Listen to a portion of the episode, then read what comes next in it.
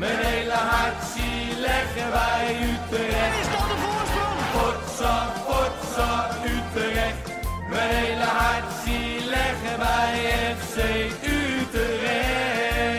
Jongen, jongens, ze moesten eens weten. Ja, daar zijn we weer. Utrecht eh, speelde afgelopen vrijdagavond met eh, 0-0 gelijk in een ja, werkelijk slaapverwekkende wedstrijd tegen FC Groningen. De tweede 0-0 thuiswedstrijd op rij. We gaan het daar natuurlijk over hebben met eh, het vaste panel van kritische Utrecht-analisten. Rodney Bouwhuizen en Berry Major. Jongens, goedenavond. Ja, en eh, speciaal vanwege die 0-0, nou eigenlijk niet, we hadden al langer een afspraak. Maar eh, vandaag hebben we een, een vierde gast in ons midden. Hij is clubwatcher van, van Heracles en Pek Zwolle bij Voetbal International. Maar natuurlijk veel belangrijker, ook clubwatcher van ons geliefde FC Utrecht. Speciaal vanuit zijn auto staat hij eh, staat hij ergens op een parkeerplaats. Stef de Bond. Stef, goedenavond. ja, goedenavond. Eh, kan je dat even uitleggen, dit verhaal? Je, staat op, in, je zit in je auto? Ik zit in mijn auto. Nee, ik, ik was onderweg naar huis, maar het liep allemaal nogal uit en jullie wilden heel graag opnemen. Dus ik heb mijn auto langs de kant van de weg gezet en eh, een hotspotje aangemaakt. En dan rijden we zo meteen verder. Hey, voor de mensen die niet wisten wat jij ook alweer doet bij Voetbal International. kun, je de, kun jij eens uitleggen wat dat nou, wat dat nou inhoudt, dat clubwatchen? Ja, dat kan ik zeker. Eh, eh, toen ik bijna negen jaar geleden begon, toen was het eigenlijk vooral eh, een interviewtje met een speler maken, wedstrijdje bekijken. En dat was het wel. En ja, tegenwoordig natuurlijk met alle, al het internetgeweld en VI Pro hebben wij dan. En, en video's en radio-items en van alles nog wat. En ja, wat betreft de clubs volgen, ja, ik, ik probeer zoveel mogelijk bij de clubs te zijn. Ik probeer trainingen te bezoeken. Ik ga naar de perspraatjes.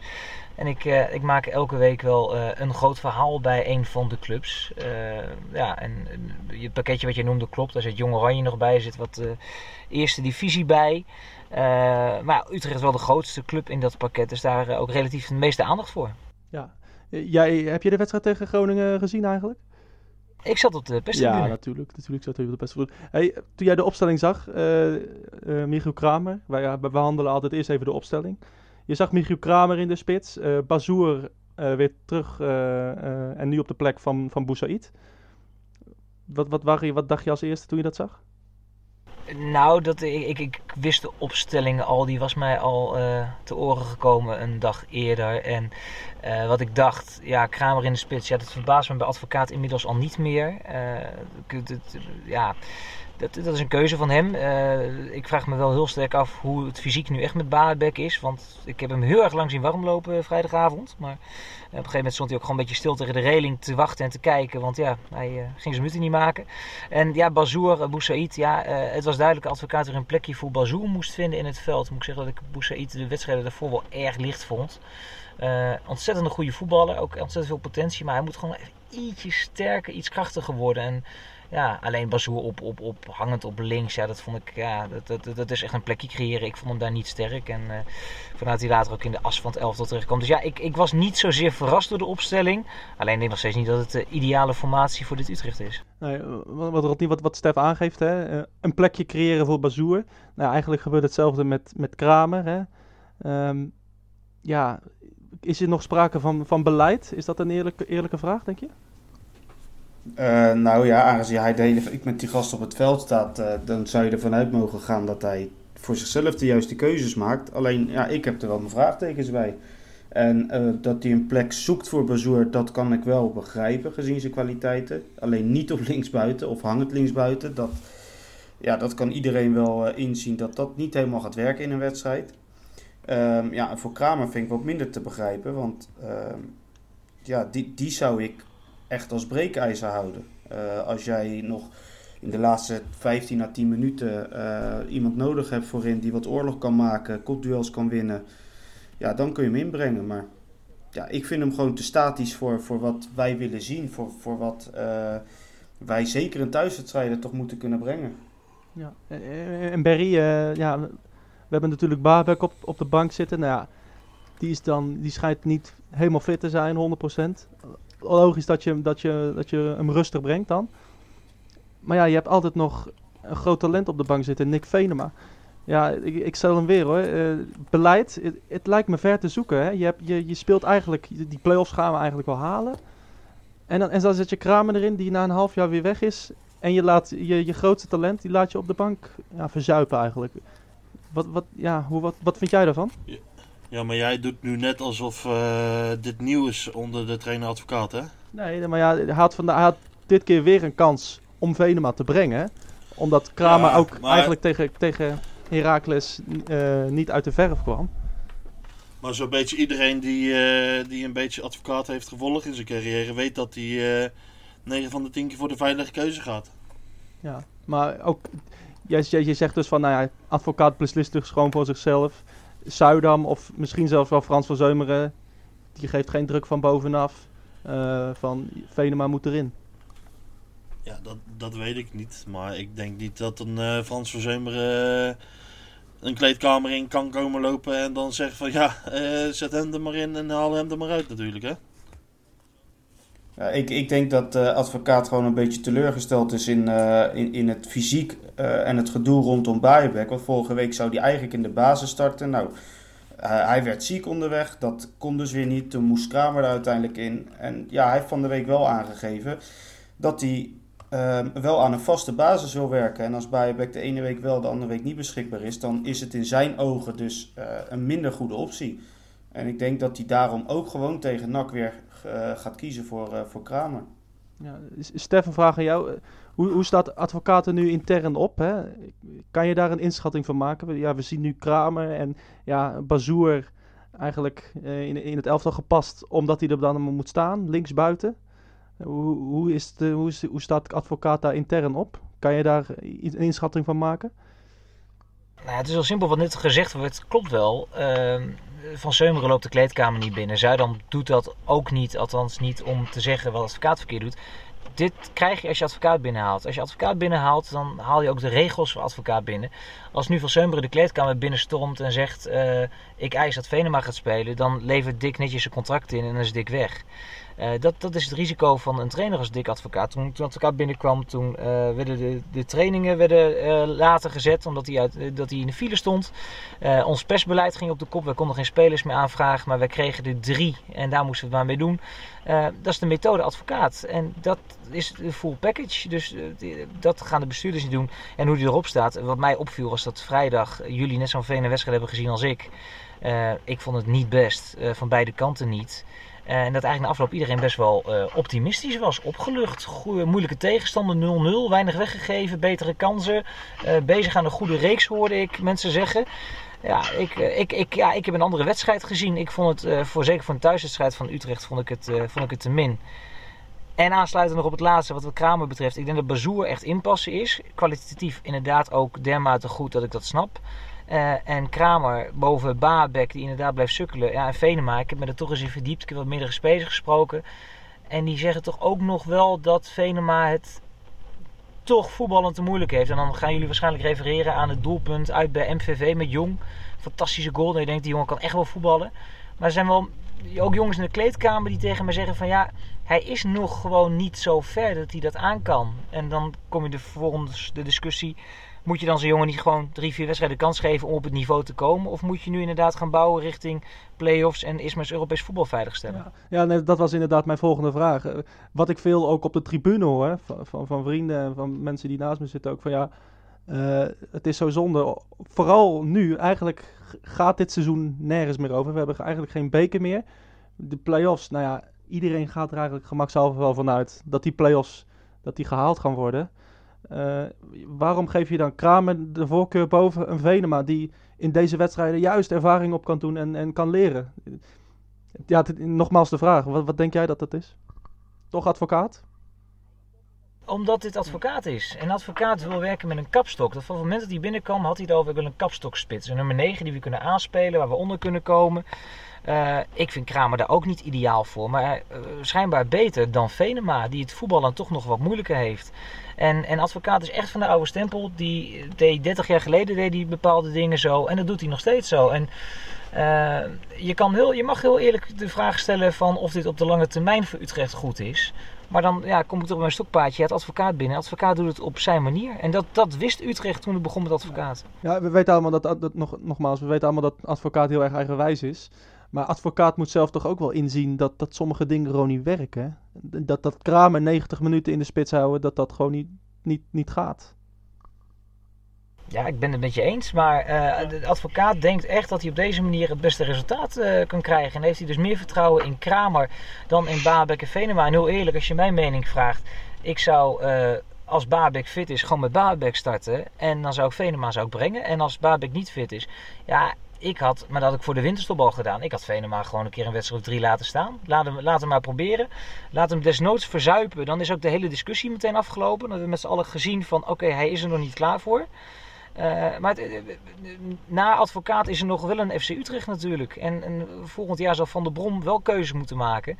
Ja, en ik denk dat, dat Van der Brom wel gezegd is van... Ja, we hebben hier een talent, Venema, die we net verlengd. Ja, uh, die moet je in gaan passen. Ja, ja nee, dat, dat geloof ik ook wel. Rodney, ja, we hebben eigenlijk naar, naar niets zitten kijken, 90 minuten. eigenlijk, ja, een verloren wedstrijd eigenlijk. Um, ja, wat was jouw gevoel na afloop? Stef zegt net, ja, de spelers die waren wel uh, ja, tevreden, een soort van optimistisch. Eigenlijk hetzelfde als tegen Excelsior. Maar wat, wat was jouw gevoel ja. na afloop? Nou ja, tegen Excelsior had ik nog een positief gevoel na de wedstrijd. Omdat ik toen wel echt het gevoel had, het zat gewoon echt niet mee. Um, uh, vooral de tweede helft vond ik ze gewoon heel behoorlijk voetballen. En nu vond ik het echt 90 minuten lang uh, ja, heel slecht. En veel te langzaam. Uh, weer foutjes, slordigheden. Uh, ja, het, het, leek ook soms dat er geen idee achter zat. Dat, dat oogde zo in ieder geval in het spel. Uh, dus ja, achteraf wel een teleurgesteld gevoel. En ja, tuurlijk, Groningen dit, dit kalenderjaar ijzersterk. En dat weet ik wel. En, maar ja, wat Stef ook een beetje zegt. Ja, je speelt thuis. Ehm, ja, je, je, mag toch wel wat meer verwachten. Uh, en ik vond, ik vond eigenlijk geen één speler er echt bovenuit stijgen. Dat ik denk, nou, die was nog wel behoorlijk. Ik, ik vond ze allemaal gewoon wat, wat slapjes, wat matig. Dus uh, ja, wel teleurgesteld eigenlijk. Ja, Berry, we hebben nu uh, ja, echt wel tegen Excelsior twee punten verspeeld. Verspeeld Willem 2, 3, nu weer 2 tegen Groningen. Ja, tel daar de punten die we hebben verspeeld tegen, tegen VVV, Emmen bij op. Hè? Uh, we hebben ongelooflijk, we thuis denk ik misschien wel 10, 15 punten verspeeld. Ongelooflijk zonde, hè? Ja, ja, uh, wat moeten we over zeggen? Ja, het is, uh, je had veel beter ervoor kunnen staan, maar ja.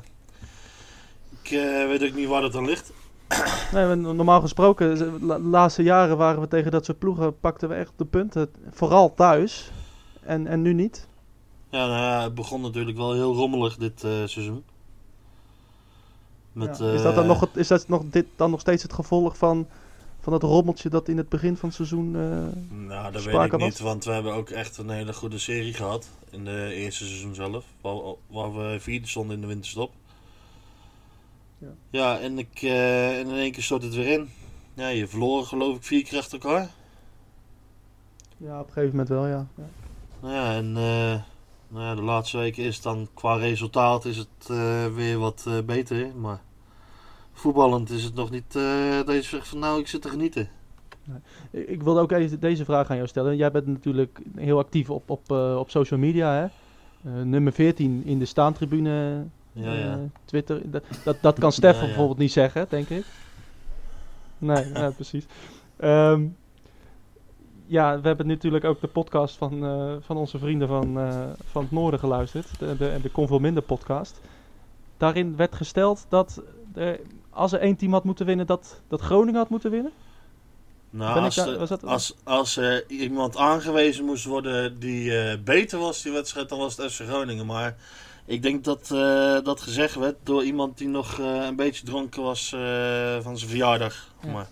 Ja, kan je daar wat context bij geven? Want sommige mensen weten niet waar het over gaat. Nou, dat is uh, mijn uh, goede vriend uh, Thijs Faber die dat, ja, ja. die dat in de podcast zei. Maar ik, ik kon het niet heel serieus nemen. Ja, want Stef, ik denk, ja, het was niet goed van Utrecht kant, maar Groningen de, de betere ploeg misschien had moeten winnen. Ik denk ook niet dat jij het daarmee eens bent. Nee, nee, nee, zeker niet. Ik denk dat een gelijkspel uiteindelijk best terecht is. En als ik een winnaar had aan moeten wijzen, is het Utrecht. Zeker ook op een gegeven moment heb je wel behoorlijk wat druk. Ik vind dat de grote kansen bleven nog een beetje uit. Maar Groningen kan voor een puntje naar Utrecht. Dat is fantastisch. Die, wat we zeiden, die hebben een goed 2019. Alleen, ja, die zijn nog steeds puntjes aan het sprokkelen. Na afloop uh, kwam Hans Nijland, de algemene directeur, naar me toe. En die sloeg me trots op de schouders. Weer een puntje gepakt. Ja, die, voor Groningen was het op een gegeven moment was het dan moeilijk om thuis van, uh, van echt kleine clubjes te winnen. Ja, en nu pakken ze uit bij Utrecht, wat zij natuurlijk ook gezien als een subtop. Pakken ze gewoon een puntje. Ja, die, die, ik denk dat het best gezellig is geweest in de bus terug naar Groningen. Ja, ze, ze vierden het ook, dus uh, dat zegt ook wel wat. Ja, ze waren, er, ja, ze waren met heel veel. Hey, hey Stef, um, uh, jij hebt een, uh, een interview gehad met, met Joris van Overheem, hè? Wat, wat, wat voor indruk kreeg je van hem? waar ging het over, dat, dat, dat gesprek? Nou, ik had een wat breder gesprek. Uh, maar eigenlijk het belangrijkste wat bij mij is blijven hangen ging toch eigenlijk over zijn positie. We weten allemaal, hij kwam, uh, hij heeft deze zomer gesprekken gehad met Jean-Paul de Jong. En daar werd mij gezegd dat hij in een 4-4-2 systeem rechter middenvelder zou worden met veel diepgang. Nou, inmiddels staat hij al op een geruime tijd als soort van controleur op het middenveld. En, en wordt hem verboden om ja, in de buurt van de 16 van de tegenstander te komen. En ik was eigenlijk wel heel benieuwd of hij of die zich nou kon vinden in die rol. Of hij dat leuk vond. En het enthousiasme spatte er vanaf. Hij heeft, uh, hij heeft tegenwoordig zelfs juichmomenten in het veld als hij ja, een, een looplijn dichtloopt of een, een, bal afpakt van de tegenstander. En uh, ja, echt, dat bedoel, veel kritiek op advocaat en ook grotendeels terecht. Maar voor Van Overheem heeft het tot op heden heel goed uitgepakt. Die jongen die is wel uh, ja, die, heeft zijn plezier wel weer uh, hervonden eigenlijk. Uh, neem niet weg dat hij nog altijd wil aanvallen. Want dat vond ik wel een leuke anekdote. Uit bij Heracles, bij 4-1, vroeg die advocaat of hij toch een keer mee naar voren mocht. Dat mocht niet van advocaat, behalve als het 5-1 zou worden. Dus het, het voelde een beetje als pupillenvoetbal. Dat als, als, als het 4-0 staat, mag de keeper mee naar voren. En dat gebeurde dus uit in Heracles. Dan kwam die drie of vier keer nog in de 16 meter van de tegenpartij. Omdat Gustafsson zijn plekje overnam op middenveld. Uh, dus die, die liefhebberij, dat zit er nog wel in bij die jongen. Maar uh, ja, ik, ik, zag een hele tevreden uh, van Overheem. Maar dat interview was wel voor de wedstrijd tegen Groningen afgelopen vrijdag. En ja, toen werd hij gewisseld en kwam Bazoer op zijn plek te spelen op het einde. Dus ergens vrees ik ook wel weer een klein beetje dat het hervonden plezier misschien vrij snel weer weg kan zijn. Ja, natuurlijk weten we ook hoe zijn relatie is met, met Van der Brom. Dat schijnt niet goed te zijn. En nou ja, Dennis Haar uh, evenmin. Wat verwacht jij daarvan als, als, als volgend jaar Van der Brom en Dennis Haar naar Utrecht komen? Denk jij dat er dan nog plaats is voor Van Overeem? Daar heb ik hem uiteraard over gesproken. Nou, ja, uh, ik denk niet dat, dat het uh, de allerbeste vrienden zijn. Ik denk ook niet dat het zo erg is als sommige mensen beweren. Uh, Van Over heeft vertelde dat hij uh, een paar weken geleden contact heeft gehad met Van der Brom. we kwamen elkaar tegen en dat Van der Brom aangaf dat hij alle wedstrijden van Utrecht zag. En dat hij erg positief verrast was over hoe Van Overheem het op die positie deed. Uh, daar houdt hij zich nu wel gaan vast. Uh, maar uh, ja, iedereen kent de voorgeschiedenis. aan de andere kant, Van de Bron moet het ook gewoon doen met, met de middelen die hij heeft, de spelers die hij heeft. En ik vind, misschien vrijdag wat minder, maar ik vind dat Van Overheem het ja, uitstekend doet dit seizoen. Ik vind het een van de betere aan de kant van Utrecht dit jaar. Ja, Rodney, daar ben jij denk ik roerend mee eens, hè? Ja, zeker. Zonder twijfel. Ja, Overheem is eigenlijk een van de grootste steunpilaren dit seizoen, denk ik. Um, ja, vind, vind ik wel. Um, het verbaast me best wel uh, hoe hij zich manifesteert op die positie. En dat had ik zeker niet achter hem gezocht. Uh, dus wat dat betreft positief. En uh, ja, als hij daaruit moet, um, omdat Bazoer er per se in moet, ja. Het, het, ik, ja, Bazoer is in potentie natuurlijk een echt fantastische voetballer. maar ja, die is ook in de zomer weer weg. En maar ja, ook dat is weer een beetje het verhaal advocaat. Ja, die gaat gewoon voor, voor het nu en uh, het moet op zijn manier. Dus we gaan afwachten hoe dat, uh, hoe dat zich gaat ontwikkelen. Nou, Berry, stel jij bent volgend jaar uh, zou, zou coach zijn van Utrecht. Je hebt, je hebt zoveel middenvelders. Je hebt Gavorie, Van de Streek, Emmanuelson, Van Overheem, Gustafsson. Um, ja, Strieder ja, ja, Strieder komt er dan nog bij ja, waar zou jij van over hem neerzetten? Zou jij hem dan toch in vooruit zetten, in aanvallende middenvelden en dan, um, dan Strieden weer terug op 6? Of hoe zou jij dat aanpakken? Ja, dat is lastig natuurlijk. Hè? Je moet ook maar afwachten uh, op wat voor niveau Strieden terugkomt. Want die ligt er al anderhalf seizoen uit, geloof ik. Ja, ja ik weet niet eigenlijk. Sinds, sinds de play-offs toch tegen Vitesse viel die uit? Ja, volgens mij heeft hij uit nog meegespeeld en toen was het over. Ja, toen, toen raakte hij geblesseerd volgens mij. Ja. Ja. Nou, die ligt er ook al lang uit. Dus eh, ja, en die mag ook zijn minuten niet maken bij Jong. Omdat hij de leeftijd al gehad heeft, geloof ik. Klopt, ja. Dus ja, dat is ook maar afwachten. Maar als ik, het, eh, als ik zou moeten kiezen, dan had ik... eh, ja, ligt er ook aan wat voor systeem... Ja, ik denk dat Van der Brom een 4-3-3 gaat spelen. Aangezien hij dat eh, vaker gedaan heeft. Maar dan zou ik toch kiezen voor een eh, middenveld van eh Strieder van Overheem... En dan Gustafsson of Van der Streek. Ja, en ja, als je dan zou moeten kiezen, Gustafsson van der Streek, ga je dan voor Gustafsson? Nou jullie weten dat ik eh, heel erg fan ben van Van der Streek natuurlijk, hè. Dus ja, het is misschien... Ja, het is niet heel objectief, maar... Ja, maar je bent ook wel fan van Gustafsson volgens mij. Nou ja, die heeft wel... Ja, hij, hij kan echt heel goed voetballen hoor, Gustafsson. Even serieus. Maar soms heeft hij een beetje... eh, Ja, ik weet niet. Een beetje van die momenten van, ja, het zal wel. Ja, diva gedrag. Ja. Ja, dat, eh dat, stoor, dat stoor ik mij wel aan hoor. Want hij heeft dat vaker gedaan, dat hij eventjes wordt vastgehouden en dan stopt hij gewoon met lopen, jongen. Het kan toch niet? Ja. Nee, dat is, dat is vrij, vrij bijzonder inderdaad. Eh, Stef, eh, ja, als je dan al die lijst van middenvelders hoort, wie denk jij dan dat er buiten de boot gaat vallen voor volgend seizoen?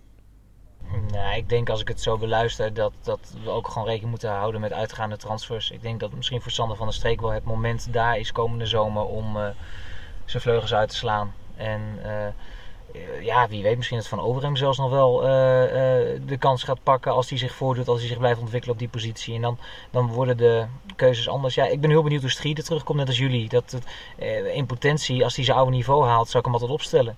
En ja, Gustafsson is natuurlijk ook gehaald met het idee van die laten we twee jaar spelen, die wordt beter en dan kunnen we weer geld aan verdienen. Dus ik ga ervan uit dat Gustafsson in principe altijd speelt. Want dat is, ja, dat is dan toch een soort van doorverkoopobject. Hè. Die heeft dan als hij nog een jaar bij Utrecht speelt, heeft hij nog een leeftijd dat je nog geld aan kan verdienen.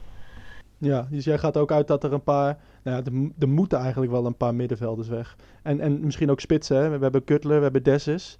Wie, wie verwacht jij eigenlijk dat, dat eruit gaat? Nou ja, die twee die jij nu noemt, dat wordt natuurlijk wel eh, inmiddels een probleem. En bij Dessers is natuurlijk helemaal vervelend met hoe gaat die, eh, hoe gaat die terugkomen. Kijk, die was deze winter natuurlijk al bijna weg.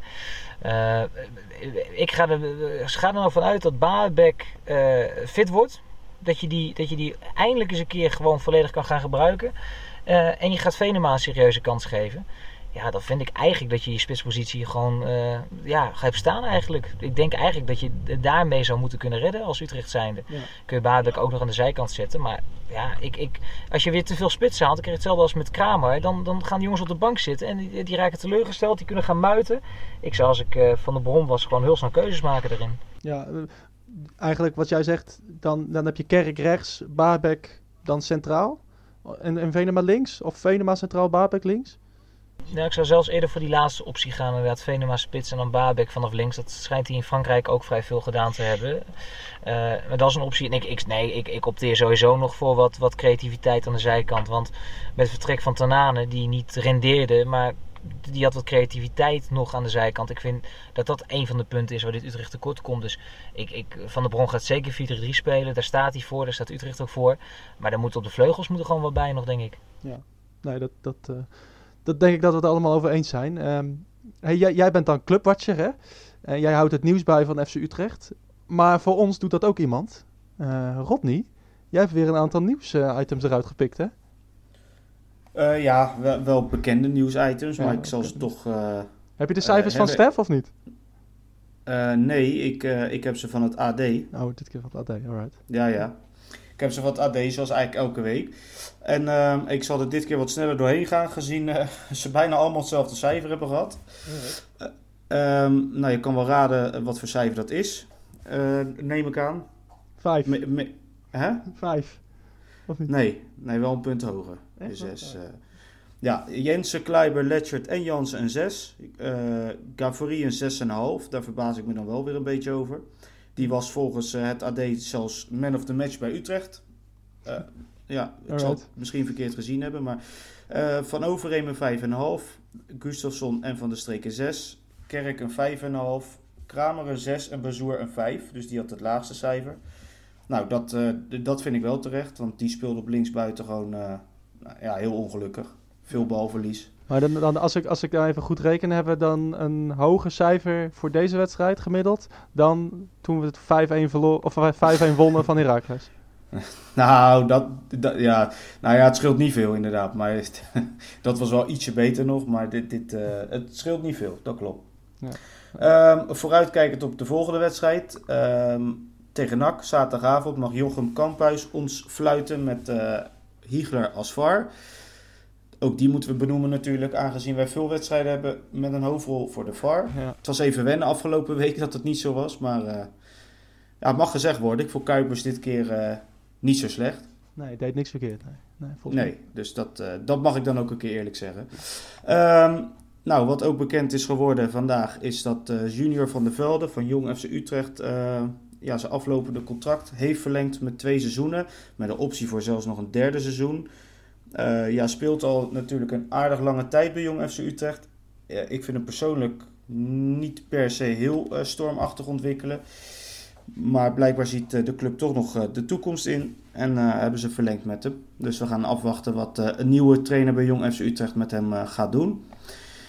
Eh, nog even refererend over Björn Kuipers. Die heeft nog even teruggeblikt op het moment met Kramer in de eerste helft. Die volgens velen een, eh, misschien wel een rode kaart had moeten krijgen. Eh, eh, Kuipers is het daar zeker niet mee eens. Zelfs na het terugkijken van de beelden niet. Ehm, hij vindt dat hij een beweging met zijn arm maakte, maar dat hij als VAR nooit zou ingrijpen. En dat ook de UEFA en FIFA dat nooit zouden willen op dat soort momenten. Het was geen 100% eh, elleboog, hooguit een ongelukkige actie. Nou, dat verbaast me enigszins dat hij dat dan weer zegt. Ehm, hij heeft te- tevens nog een mooie sneer naar de, eh, ja, sorry Stef, eh, journalisten en tv-commentatoren. Ehm, die zegt, ik had moeten fluiten en een gele kaart moeten geven, maar ik zag de samenvatting en dan hoor ik de commentator zeggen, dit had rood moeten zijn. Wat een onzin, al dus Kuipers. Nou, een mooie afsluiter denk ik. eh. Nou ja, dat, ja eh, hoe, hoe reageren de journalisten daarop? Wat een onzin. Ja, het, is, het zijn niet jouw teksten natuurlijk, Stef. Maar wat, wat vond jij van dat incident?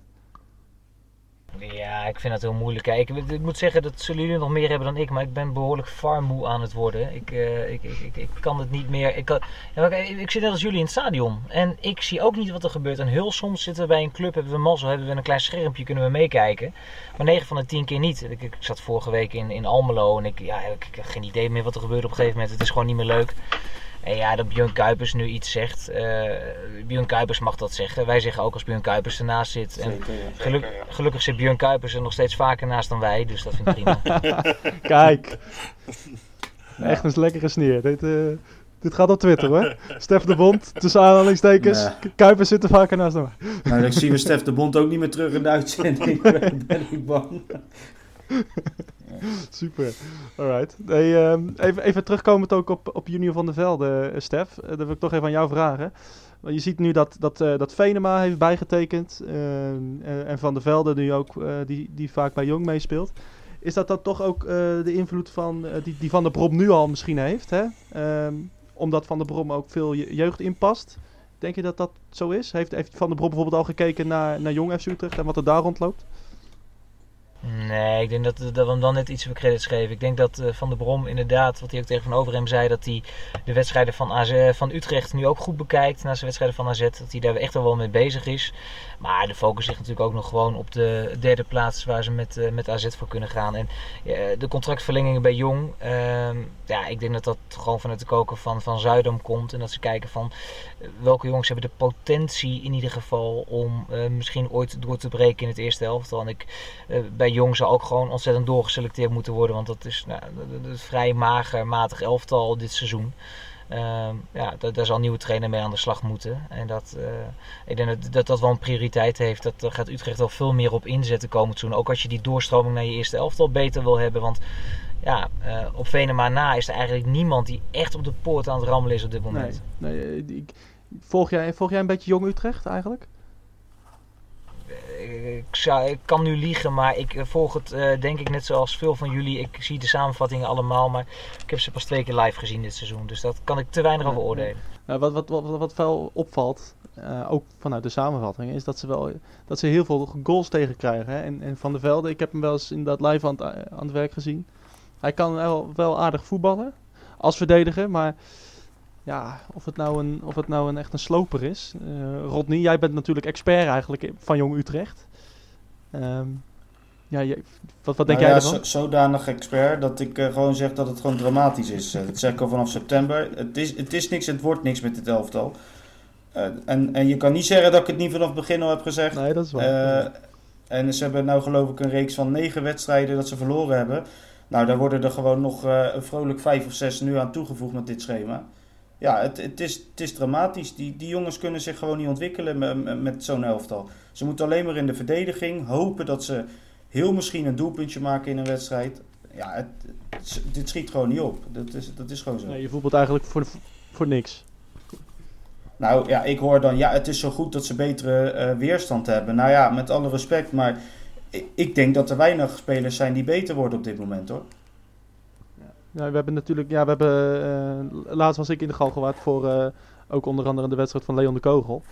Maar er was ook eh, Jong Utrecht tegen Go Ahead. En toen viel mij die Ki- Kielan Labon op. Ja, Die, die, die, die is echt wel, ehm, ja, die kan, dat kan echt wel wat worden. Snelle jongen, kan goed, goed voetballen, kan goed de bal aannemen, focus op de goal. Ja, Eh, ja, en, en, en voor de rest, ja, hij, hij kan er dan misschien aankomen. Je hebt, je hebt Patinama, die nog wel aardige dingen af en toe laat zien. Arweiler, die af en toe wel eens scoort. Eh, ja, en, en Venema, die dan ja, eigenlijk dat team heeft gedragen. En voor de rest, ja, wat, wat Stef zegt, doorselecteren, dat- ja, dat is wel een must eigenlijk. Hè? ja. Nou, daar staan we toch ook in principe onbekend als club. Eh, we hebben in een vrij korte tijd eh, eh, toch wel jongens als Van der Hoorn, Ramselaar, Amrabat. eh nou ja, eigenlijk Ayoub ze iets langer geleden nog, maar eigenlijk ook vanuit de jeugd natuurlijk doorgestroomd. Nou ja, dat zijn allemaal jongens die hebben best wel een flinke transfer te pakken gehad. En ja, momenteel zie ik gewoon niemand die ook maar in de buurt gaat komen. Ja, Venema, maar die, die zit eigenlijk al bij het eerste momenteel. Dus ja. Dat, Ja, zonde, ja. Zonde, zonde, zonde. Eh Perry, jij hebt volgens mij ook weer een aantal eh, vragen uitgekozen van, eh, van een aantal luisteraars. Nou, die heeft Rodney deze week eh, onder elkaar gezet, hè? Niet, eh, Ja, jij... niet met de credits gaan strijken. Nee, dat is waar. Rodney heeft ze onder elkaar gezet, maar jij, jij neemt ze even door, denk ik. Hè? Ja, helemaal prima. ik, eh, geen idee van wie die is. Volgens mij Zuilen 030. ja, Waarom traint Utrecht maar één keer per dag momenteel? Onder de nacht was het vaak twee keer en trainen ze ook nog langer. Zo ga je het spel niet verbeteren, lijkt mij. Ik wil, ik wil deze vraag eigenlijk even aan, aan Stef stellen. Stef, heb jij hier een, hier een idee op? Is dit gewoon ook weer iets van advocaat? Ja, dit, dit is trainer afhankelijk. Dit, eh, onder Jean-Paul de Jong werd er ook niet altijd twee keer getraind op een dag, weet ik. Eh, de, trainer maakt de keuze. Ik, eh, ik volg ook Pek Zwolle. John van het Schip trainde één keer per dag een uurtje. En Jaap Stam komt binnen en die traint 2,5 uur. Dit is net wa- waar een trainer zich fijn bij voelt. Het enige wat nu wel echt veranderd is, is dat advocaat de trainingstijden veranderd heeft. Hij heeft, ze, hij heeft het wat verlaat om zo de files een beetje te vermijden. Dat is dan voor iedereen, maar ook voor meneer advocaat zelf in deze.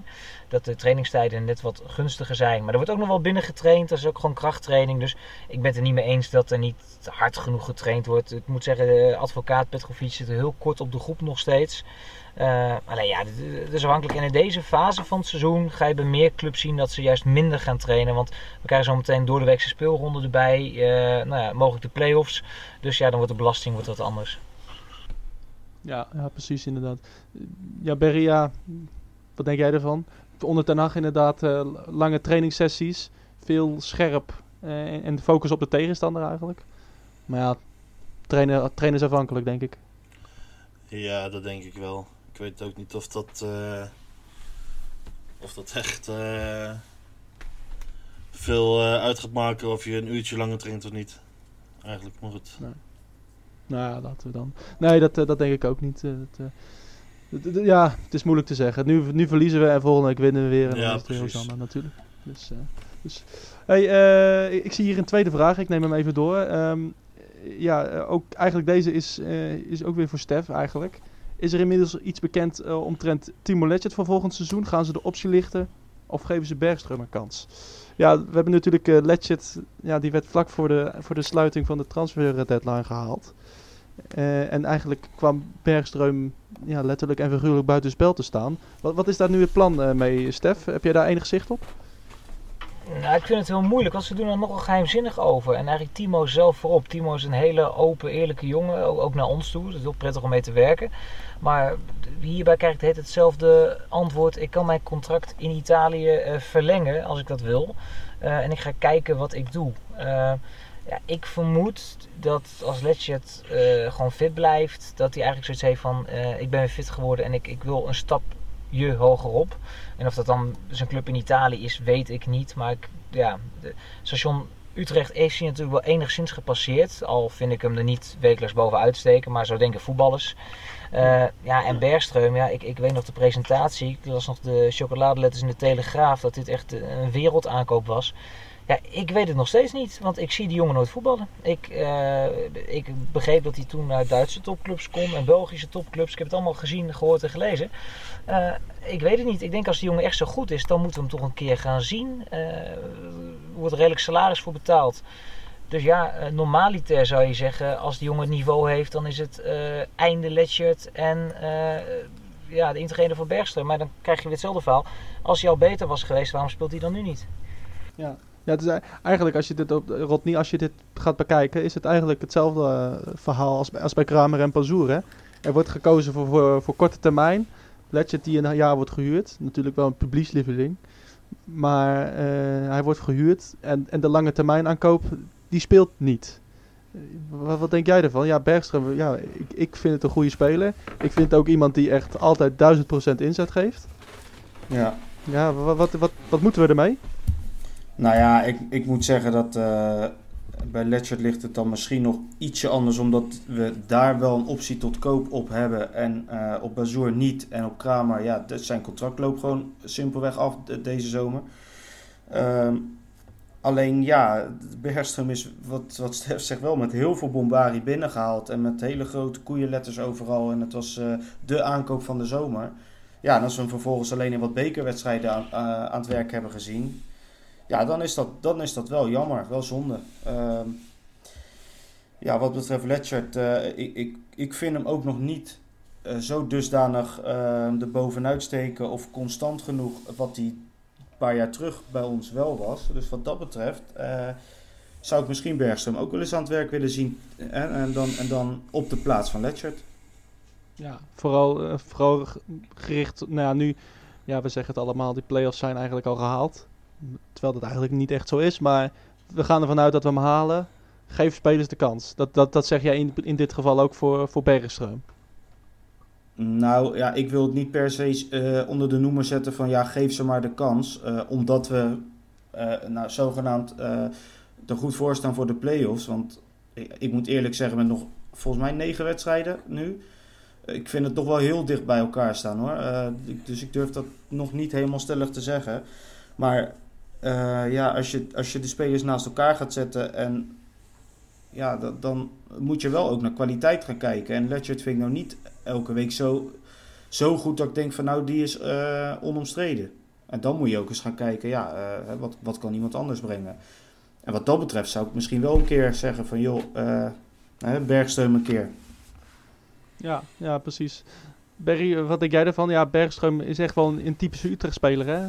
Echt gaten voor 1000% inzet. En eh, wat, wat de fans willen zien, denk ik, hè? Ja, en daarbij heeft hij eh, de wedstrijden die ik van hem in de Eredivisie heb ge- gezien ook eh, gewoon een behoorlijk niveau gehaald, toch? Ja, nou, hij, heeft, hij heeft eigenlijk weinig, nou, weinig fout gedaan. Hij heeft ook weinig kans gehad. Maar... Volgens mij speelde hij tegen Heracles zelfs op de rechtsbackpositie. En dat ging hem ook niet heel verkeerd af. Nee, ja, in dat geval hebben we natuurlijk heel erg veel luxe. Maar ja, Ja. hij moet wel een keer gaan spelen. Nou, ik denk vooral dat, hij, eh, dat eh, de optie van Letchert niet gelicht gaat worden. En dat hij eh, volgend jaar in de baas staat. Dat denk ik. Want je krijgt natuurlijk ook een Dumic nog terug hè, als, ze als ze besluiten die niet te houden in Dresden. Oh mijn god. Ik was, ik was, hem, even, ik was hem gewoon vergeten. Dario Dumic. Jongen, jongen. Nou, ik mag het niet hopen, zeg. Of jij, jij was fan, hè, van Dumic? Ja, ik eh, vond het bij NEC eh, meestal wel goed. Maar ja, bij ons, eh, Ja, bij NEC was hij goed, inderdaad. bij ons eh, niet eruit gekomen, zeg maar. Ste- Stef, kan, kan Utrecht überhaupt Letchert betalen? Is, is dat wel een reële transfersom? Want volgens mij ja, gaat dat wel richting de enkele miljoenen. Ik weet niet of Utrecht dat kan betalen. Nee, even een interessante vraag. Dus ik zou ook zelf ook over na te denken. Uh, we moeten ons niet laten verblinden door opties tot koop. Want ja, uh, verdient natuurlijk een heel goed salaris in Italië. En daar ja, zit die afkoopsom ook wel een beetje aan vast. Ik denk als Utrecht het wil dat het kan. Alleen dan moet je ook weer afvragen. Hij heeft al een zekere leeftijd. Ga je hem dan later alsnog zelf weer verkopen? Hoe fit is hij daadwerkelijk? Want hij speelt alles, vind ik knap. Maar hij klaagt ook nog wel eens over zijn, uh, over zijn hamstring. Ja, uh, dat allemaal moet je wel met elkaar af gaan wegen. En dan, dan zou ik, als die jongen nu 18, 19 jaar was geweest, groot talent, had ik gezegd van nou, dat is, is het afwegen waard. Ik denk dat hij nu op een zekere leeftijd is dat je het dan misschien niet moet doen als je echt diep in de buidel moet tasten. Nee, nee, en vooral ook omdat je gewoon een waardige vervanger op de bank hebt, denk ik. Precies, maar dat, dat, dat is toch echt aan, aan Van der Brom om, om ja, die keuze te maken. Om, om Bergscham gewoon minuten te laten maken. Nou ja, dat laten we het hopen. Ik denk dat het een... Ik, ja, ik denk dat hij echt... Uh, dat denken we volgens mij allemaal. Dat hij uh, van heel veel waarde kan zijn voor dit Utrecht. Ook naast Jansen, die ook nog steeds goed zijn mannetje in de gaten houdt. Um, ik wil hem even afsluiten, want we gaan even voorbeschouwen op NAC. Ja, Utrecht speelt misschien uh, ja, niet het beste voetbal in de clubhistorie. Maar god niet. NAC is wel toch van een ander niveau nog, hè? Um, ja, ik, ik moet wat voorzichtiger met mijn uitspraken gaan worden, geloof ik. Net sinds de laatste keren. Ja. Maar um, ja, we kunnen denk ik gerust wel stellen dat NAC er vrij weinig voor kan, toch? uh, ik, hoop, ik hoop eigenlijk dat ze heel naïef zijn en uh, thuis voor hun eigen publiek met het avondje NAC uh, lekker er vol bovenop klappen. Um, ja, want dan gaan er ruimtes ontstaan. En laat daar nou juist de kansen voor Utrecht liggen in, in de uitwedstrijden. En ik denk ook dat dat de reden is waarom het uit een stuk beter en makkelijker gaat dan, dan thuis momenteel. Uh, thuis moeten wij het spel vaak maken en dat kunnen we simpelweg niet. De tegenstander graaft zich in en ja, zegt gewoon: Oké, zoeken jullie de oplossing maar. En dat kunnen wij niet. En uit, um, ja, dan, dan krijgen we ruimtes, kunnen we kerk beter gebruiken. dus daar zie je kans in. Alleen is de vraag wel: wat doet NAC? Gaat NAC zich ingraven? En de, dan, wordt het nog, dan kan het nog wel eens een lastige wedstrijd gaan worden. Hoor. Ja, ja nee, dat is waar. Maar ja, kan, je kan je toch niet voorstellen dat, dat NAC zich inderdaad gaat ingraven. Hè? Ze, ze moeten. Nou, het is eigenlijk de laatste kans, misschien wel. Nou ja, als ze verstandig gekeken hebben de laatste weken naar wat Utrecht wel of niet kan en doet, dan zouden zij er heel verstandig aan doen om het juist wel te doen. Want zij weten ook dat uh, graaf je in en laat Utrecht maar komen, dan gaat NAC zelf lekker op de counter spelen met wat snelle mensen voorin. Ja, misschien liggen daar voor hun juist wel de kansen. Ja. Perry, we gaan even de, de historieboeken in, de, de geschiedenisboeken. Mooie overwinningen tegen NAC. Nou ja, we hebben er wel een aantal gehad natuurlijk. Ik denk dat bij iedereen de, de 5-1 te binnen schiet. Onder Robbie Alfle, een van de spaarzame hoogtepunten dat seizoen. Uh, kan jij nog andere mooie wedstrijden tegen NAC herinneren? Ik kan uh, mij een wereldgoal herinneren van Rikke Kruisdaar, geloof ik. Ja, dat was inderdaad, die dacht ik ook meteen aan. Ja, dat was, hij schoot er mooi met rechts binnen vanaf de 16. Ja, ja. Van een beetje, nog, een nog beetje links en ja. uh, schoot hij hem rechts in de kruising, geloof ik. Ja. Zat, zat het uitvak ook nog beneden daar, geloof ik. Ja, dat uitvak zat gewoon rechts beneden, inderdaad. Ja. In plaats van die, die visserkom die er nu is. Uh. Nog, nog andere, Rodney, jij nog, nog memorabele wedstrijden die, waar je aan je denkt? Meteen moet denken misschien? Uh, ja, Um, ik ben daar twee keer geweest met een uitwedstrijd. Uh, mijn tweede uitwedstrijd ooit, moet ik trouwens zeggen, was, um, was daar. En toen scoorde Kaluwe de 1-1 in de 94ste minuut. Uh, dat is dus echt een jaar of uh, nou, 10, 11 geleden. En een andere weet ik wel dat we die vrij gemakkelijk wonnen met 0-2.